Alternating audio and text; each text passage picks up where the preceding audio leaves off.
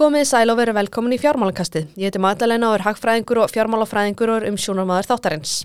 Þátturinn er tekin upp í Nóa Sirius stúdíói podcastuðarinnar. Fjármálakastið hlaðar fyrir áhuga fólk um fjármál, hagfræð og efnagsmál. Þátturinn kemur út einu sinni viku inn á allar helstu hlaðarsveitur og inn á podcast.is. Í dag við fengið enga til minni settið hana Fítu Abu Libde en hún er stopnandi og framkvæmtastjóri Geosilica. En Geosilica er fyrirtæki sem vinnur fæðibúta efnu og kísli. Fíta, ertu velkomin. Takk. Í þessu þætti ætlum við svona aðeins að ræða um fyrirtækið þitt og nýsköpunar um hverfa Íslandi og svo framvegis en byrjum á þessu, þú flutist hingað frá Palestínu fyrir, er það ekki rétt, 27 árum síðan getur svona sagt mér svona stutlega frá þinni sögu? Já, við fluttum, ég er fættu alveg upp í Palestínu, í Jérúsalem mm. og við fluttum fjölskyldan 95 þá kom mamma með okkur fimm sískinni til Íslands mm. og við vorum bara að leita betri líf og betri mm. framtíð Þannig, já, við komum hérna fimm sískininn, byrjum í skóla mm -hmm. uh, ég átti rosalega erfitt ég og eldri sýsti mín erfitt með að klára hérna, við, á, við erum á hérna, mentaskóla aldrei mm -hmm. þannig við áttum rosalega erfitt með að klára mentaskólan þar sem allt var kent á íslensku og var ekki hérna Kanski bóði... fengu ekki nægilega mikla aðstóðið eða eitthvað svo leiðis? Nei, nei, það var ekki búið að læra, þú veist, hérna, að taka íslenska sem önnur mál eða að læra á ennsku í mentaskóla. Ég held að það sé ennþá til daginn í dag, MH býður upp á einhverja ennsku kursa að útskrifa ennsku nefndum. Mm -hmm. Annars er þetta annars þar, allstar annars þar, allt á íslensku, kannslefni á íslensku, þannig þetta er svona eh, erfiður aldur til að eh, flítja mm -hmm. annars þar. Emitt, hvernig var það svona alls upp í palsýri? Það hann alltaf er stríð í Palestínu, er búin að vera sér 1948, þannig ég er svona stríðspann. Mm -hmm. Á meðan ég bjóð þar, þá var ég, þekkti ekkert annað, fannst Nei. mér ég var verið örug og lífið mm -hmm. væri bara svona og ekkert annað sem var í bóði. Þannig en svo fljóðlega eftir ég kom til Íslands þá fatt að ég, ok, þetta á átt ekki vera svona. Nei, nei, mitt, mitt, mitt, bönn eru oft þannig. En jætna, hvað svona lærður þau þegar þú komst hingað til lands? Uh, Eftir, þú fóst í Keili, það ekki rétt? Jú, ég fór, tók hérna uh, Háskóla Brú Keilis, var á Vískipt og Hagfræði dildina, svo Keilfar fór ég í Orgu Ungari Steknifræði við Háskóla Íslands og svo fór ég í HR í klára MBA gráðan þar. Einmitt. Akkur var Orgu Ungari svo teknifræði fyrir valinu? Hvað var svona sem heitlaði þig þar? Uh, ég átti náttúrulega smá erfitt með bókla hlýði þannig ég vildi leggja mér áherslu á starffræði og verklega námi og teknifræði var slíkt nám, svona mér applied og hef alltaf verið hilluð af orgu og mm. vildi svona, svona alternative energy eða svona hérna uh, já, ekki organin sem við þekkum sem er hérna olju, soleis heldur, solarsellur jarðvarma, vindorgu og vildi læra meira um það Einmitt, og hvernig var að fara í MBA ná? Það eru kannski verið svolítið frábyröði örku umhverfs og tæknumfræðinni. Já, það var alveg bara, þurfum ekki að læra hér, sko, þetta var all, allt annað með við, þú veist, það er svo, hérna, e, mjög erfið nám í tæknumfræði, alveg mjög krafjandi nám. Mm -hmm. e, það var allt svona öðruvísi í MBA, þá, Já. hérna, mér að lögða áhrýsla á á hérna, viðskiptahlýðið, personal development að, svona, man, hérna, að við myndum þroskast sjálf og vera betri stjórnendur og betri rekstri aðla þannig að þetta var allt önnu nám. Það var mjög skemmtilegt og, og hérna læriði mjög mikið þar. Mm -hmm. Svo stopnaður fyrirtæki á Geosilica árið 2012 það ekki rétt? Uh, og þið vinnið fæðubótið með kísli eins og ég nefndi áðan. Er það ekki rétt, hérna hvernig dættir svo hugmynd í hug? Þetta var lokaverkefni mitt í orgu umhverfis teknifræði ég og minnstofnandi minn vorum við að skoða, við vorum náttúrulega mikið var áhersla á jarvarma í námi okkar og við vorum möguleika, skoða möguleika nýtingu á uh, steinefni sem fellur til við framlýsla á ramagnið mm -hmm. uh, og þá þurftum við að byrja á því að finna aðferð til að taka steinefnin úr vögvanum og þegar við erum búin að ná að taka steinefnin úr uh, þá þurftum að finna einhver aðferð til að mm, nýta þessa steinefni, einhverju framlýslu Þannig við skilum lokaverkefni okkar í orgunumhverjast teknifræði og ákveðum að prófa að segja um styrk til teknithrónarsjós til að halda áfram með lokaverkefni.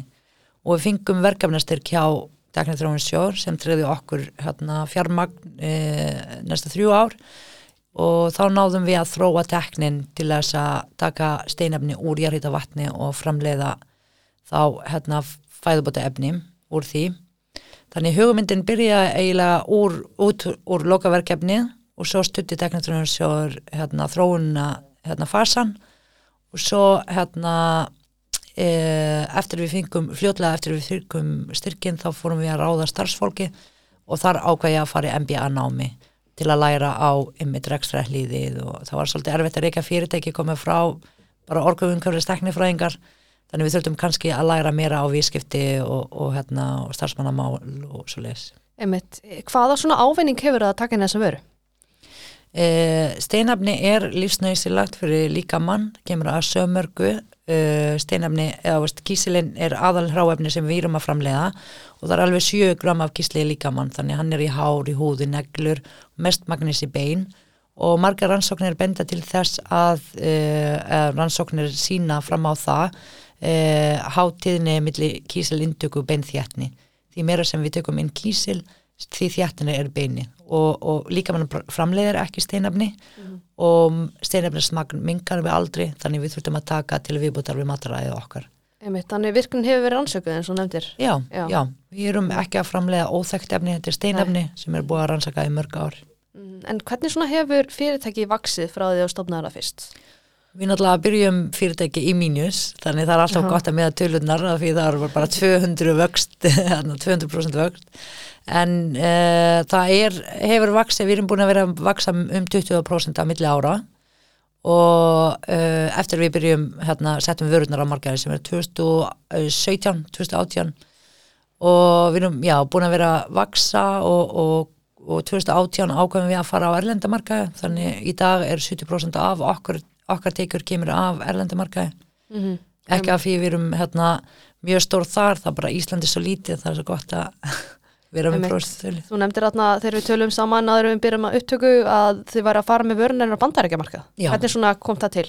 Uh, við tókum þátt einhver geppni þar sem er hérna stærsta drefi aðala þar sem heitir uh, eh, þau eru svona álíka stór og, og Amazon nema þú veist in-store, in þau eru búðirnar og við tökum þátt einhver keppni að þú getur bara kynnt vörurnar til yngöpastjóra og ef þeim lista vörurnar þá vinnur eitthvað sem heitir golden ticket þá ferðu fría margarsetningu í eitt ár í gegnum þeim og dreifingi á vörurnar þínar í tíu búðir og já, við tökum þátt núna í haust og unnum golden ticket Ok, frábært. Hérna, hver er svona eitthvað helstu markaði? Þeir nú, hvað, 70% af eitthvað tekjum koma erlendis frá það ekki? Jú, aðalega Evrópu og mm -hmm. þá þýskumælandur löndum. Mm -hmm.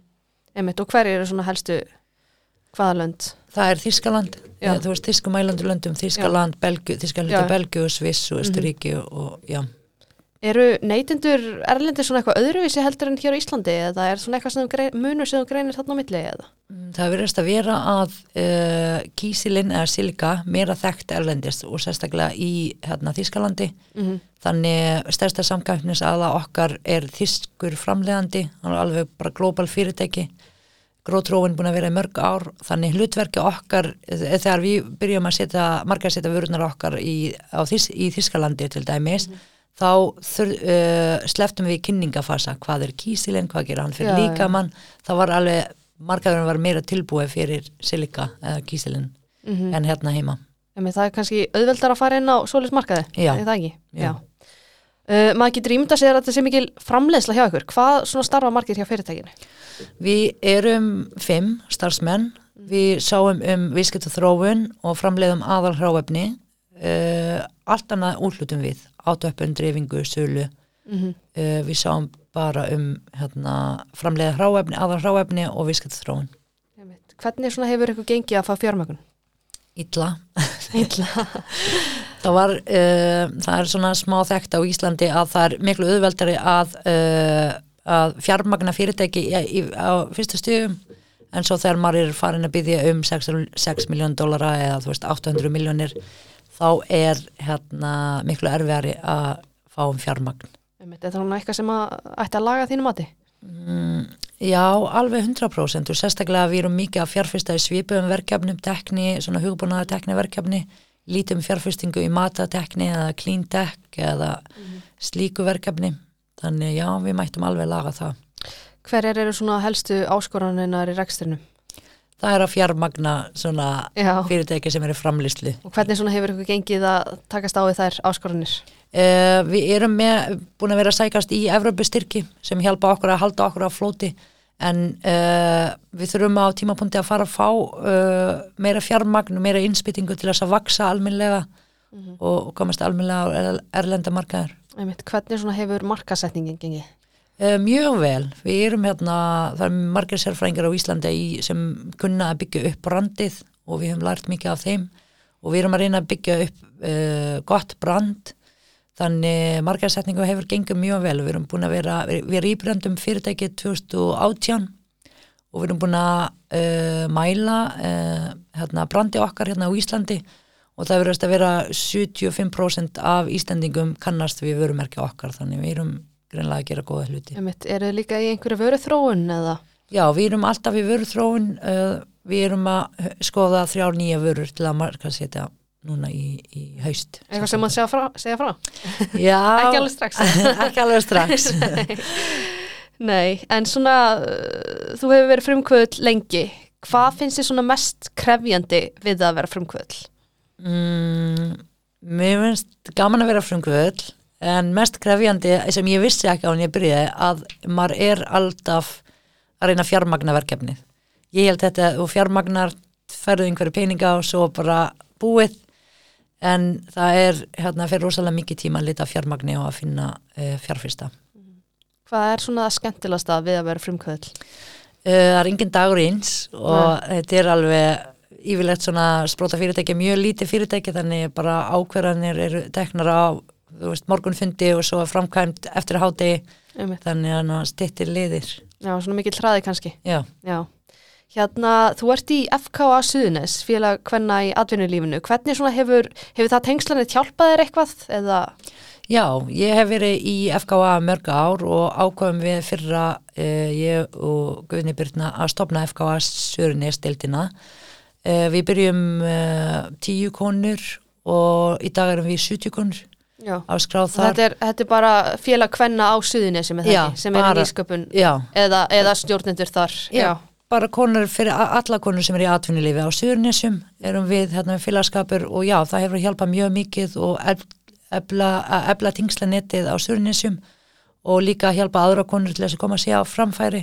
Við erum með til dæmis FKA uh, Suðurnes kona mánarins sem er hérna vital við hana í samstarfi vikufrættir, byrt vital við FKA uh, kona mánarins alltaf.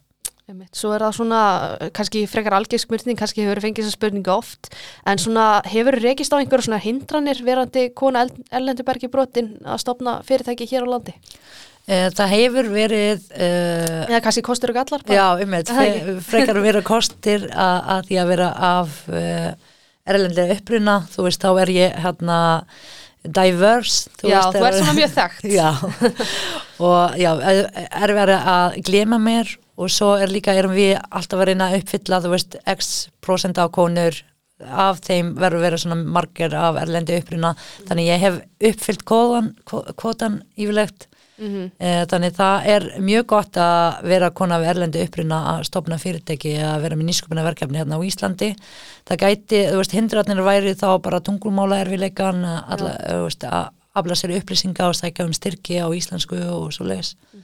En annars er um, rosalega mikið meðbyr og, og, og mjög gott að vera kona af erlendi uppruna að stopna fyrirtæki. Ef við ræðum svona aðeins, förum aðeins yfir í að ræða um bara nýsköpunar umhverju hér á landi. Finnst þér nýsköpunar umhverju hafa breyst til hins betra með því hvernig það var þegar þú stopnaði fyrst G.O.C. líka? Já, alveg 100%.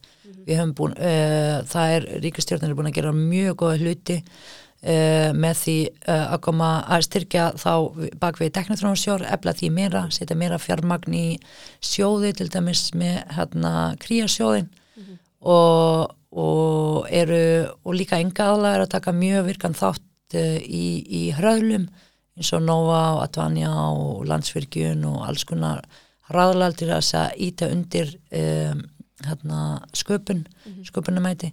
Þannig það er alveg mjög, mjög mikið búið að gerast, mikið fjármagn, uh, nokkri nýjir vísistjóður sem er að fjárfesta í, í uh, nýsköpun og komið mikið rinsla og betri tingingu við erlend, er, erlenda nýsköpunafyrirtæki. Þannig að það er mjög gott að vera frumkvöld í dag og mikið búið að breytast síðan við byrjum. Þú nefndir hann einhver hraðla, tóku þið þátt í einhver svona hraðlum? Já, við tókum þátt í gulleggi og við vorum valin í topp 10 hérna, uh, hugmyndir og, og þá einmitt kynntumst við fyrst hérna uh, uh, svona nýskumina umhverfi. En það er kannski aðeins hérna þó við erum hérna, við erum á landsbyrðinni ekki svo langt í burtu, við erum á Suðurnesum en það er svona meira að gerast í Reykjavík og kringum það. Þannig mm, nú finnst mér að meira líka að gerast á landsbyrðinni og það var sett sér sjóður fyrir landsbyrðinni, Lóa sjóðurinn og svo erum við uppbyggingarsjóður á, á hérna, öllum nálslutum þannig það er verið líka að ebla hérna, landsbyrðina áður fyrir þuttum við að sækja þjónustan allt í Reykjavík. En myndur þú segja, þú talar um að nýsköpunum hverju hafi breyst mikið til þess betra, myndur þú segja að það svona standist erlenda samburt? Uh, ég myndi segja já, frá viðskipta hugmynd og, og þanga til fyrirtæki komin á ákveðin stíg, en þú ert komin í vaksta fasa, þá erum við Eftir, eftirbátur hinn að landana. Já. Einmitt. Þannig að er eitthvað annað sem fyrir utan þetta sem stjórnvöld getur gert til þess að efla nýsköpun hér á landi en frekar? Já, ég held að þessi, hérna, já, kannski eins og ég nefndi ávar við erum með hérna kríasjóður og, og, og sem er hérna sjóðasjóður sem er fjárfyrstur í aðra sjóði að þau ætti kannski að nýta e, þessi sjóður til að laga hallan til dæmis á landsbygðinni eða á konur e, nýta þessi sjóður og þessi peninga til þess að hérna e, laga e, sem þarf að laga í nýskupna umhverfi Einmitt. En snúum okkur kannski aðeins aftur á geosílika. Já. Hérna, uh, hvað hérna, hefur gert geosílika að því sem það er í dag? Ég held að þessi fólk bak við geosílika, það sem fyrirtæki stendur fyrir í dag endur spikla hérna, bara anda og, og persónleika stopnanda, hver við erum, hvað við stendum fyrir. Uh, geosílika uh, er svona, getum hort á það sem proof of concept, veist, af nefnendur sem byrja Uh, frá nulli, bara með hugmynd og fari gegnum styrtarkerfi á Íslandi og komast í dag í, á þeim stað sem við erum í dag þannig, já Já, hérna hvað er svona framöndan í fyrirtækinu? Hver stefniði? Við ætlum um, að Þeir eru nú komin inn á bandaríkamarka, já, já, jú, við ætlum að klára fjármagnina vonandi fyrir sumrið mm og þá verum við núna að sækja á erlendaðala mm -hmm. uh, leita af erlend, hérna, erlend fjármagn mm -hmm. og, og, og sinna þá bandarinska markaðun það, það kostar smá að, veist, það er mikil kostnar í markaðsetninga á vöru þar. Um mitt uh, Eða þú ættir að gefa einhverju svona ungum fröðumkvöðlum ráð, hvaða ráð væri það? Uh, það væri að uh, að elda bara hugmyndina sína fylga eigin samfæring uh, það, þetta er ekki auðveld, þetta er langt hlaup en þrautsegjan kemur manni mjög langt og bara, já, hlusta bara á salmaði og fylgja þína hugmyndir eftir. Einmitt, frábært. Hérna, en að venju þá endur við þáttina svona persónulegu nótum. Mm -hmm. Hvað svona finnst þið skemmtilegast að gera þegar þú ert ekki í vinnunni? Uh, Mér finnst rosalega gaman að uh, elda og borða góða mat þannig ég gerir mikið af því þegar ég er ekki vinnu og hefur stundum í vinnu. Mm svo finnst mér gaman að ferðast mm -hmm. Mm -hmm. Hvað er þú svona helst að elda? Ég elda palestinsku matur Já. mjög mikið Myndir þú segja að sé eða svo að Myndir þú segja að þú veist það séu margir svona veitingastæðir sem að íta undir þá menningu eða? Nei, ekki, nei, það er til svona skyndibitastæðir sem eru svona hummus og falafel og svo les en, en ekki svona heimilismatur. Hvernig er hefðbundin palestinsku matur? Það er eitthvað, þú veist, kjöt eða kjúkling og svo mm. er það yfirlegt soðið og soðið soði úr kjúklingin eða kjötti er notað til að búa til einhver grænmetis svona e, sósu. Ok, er svona einhver réttu sem það þekkir eða? Ég veit ekki, við borðum vindurlauf, við borðum svona grænabeinir, mikið af beinarjætti, mm -hmm. hummus og falafel og, og svo les. Mm -hmm. Ég veit ekki, ég, það er ekki til veitingastæður hér þannig nei, ég kannski fer Einmitt, einmitt, þú kannski, kannski hugmynd að stopna nöytingastannæst, en jæna, þú nefndir að þið finnst gaman að ferðast, hvað er svona skemmtilegast að borg sem þú hefur komið til? Ó, þetta er svo misminandi. Eða land eða já, eitthvað, þú mátt alveg nefna nokka. Ég mér fannst rosalega gaman að koma til Ástralju, alveg mjög sérstakt og líka til Nýjasálands, þar sem er, mér fannst að vera eins og Ísland nema meira svona tropical, maður sá svipa landslag nema voru trjá og grænt svona út um allt uh, mér finnst rosalega gaman að ferðast í Evrópu og uppáhalds borgin ég myndi segja væri Amsterdam Mér finnst mjög gott að vera í Hollandi Einmitt. Og eins og ég spyr alla mína viðmælendur eða þú ættir að mæla með einni bók fyrir hlustendu fjármálakastis, hvaða bók væri það? uh, Ég er hérna það, ég er ekki fann að lesa bókuna en hérna var mælt að ég myndi lesa og það heitir hérna Rich Dad, Poor Dad Já. og þetta Og er, þetta mæla með henni? já, ég mæli með henni og ég ætla að hlusta á hana Já. Uh, hérna, horfur eitthvað þættið eða sjómarpið eða? Jú, ég, ég horfi hérna bara til að, já, án ég fyrir að svo eitthvað svona bara Friends eða Brooklyn Nine-Nine eitthvað svona Það er. Já, Er svona eitthvað að lóka sem er komin framfæri? Einhver svona skilabóð fyrir hlustendu fjármálakassins?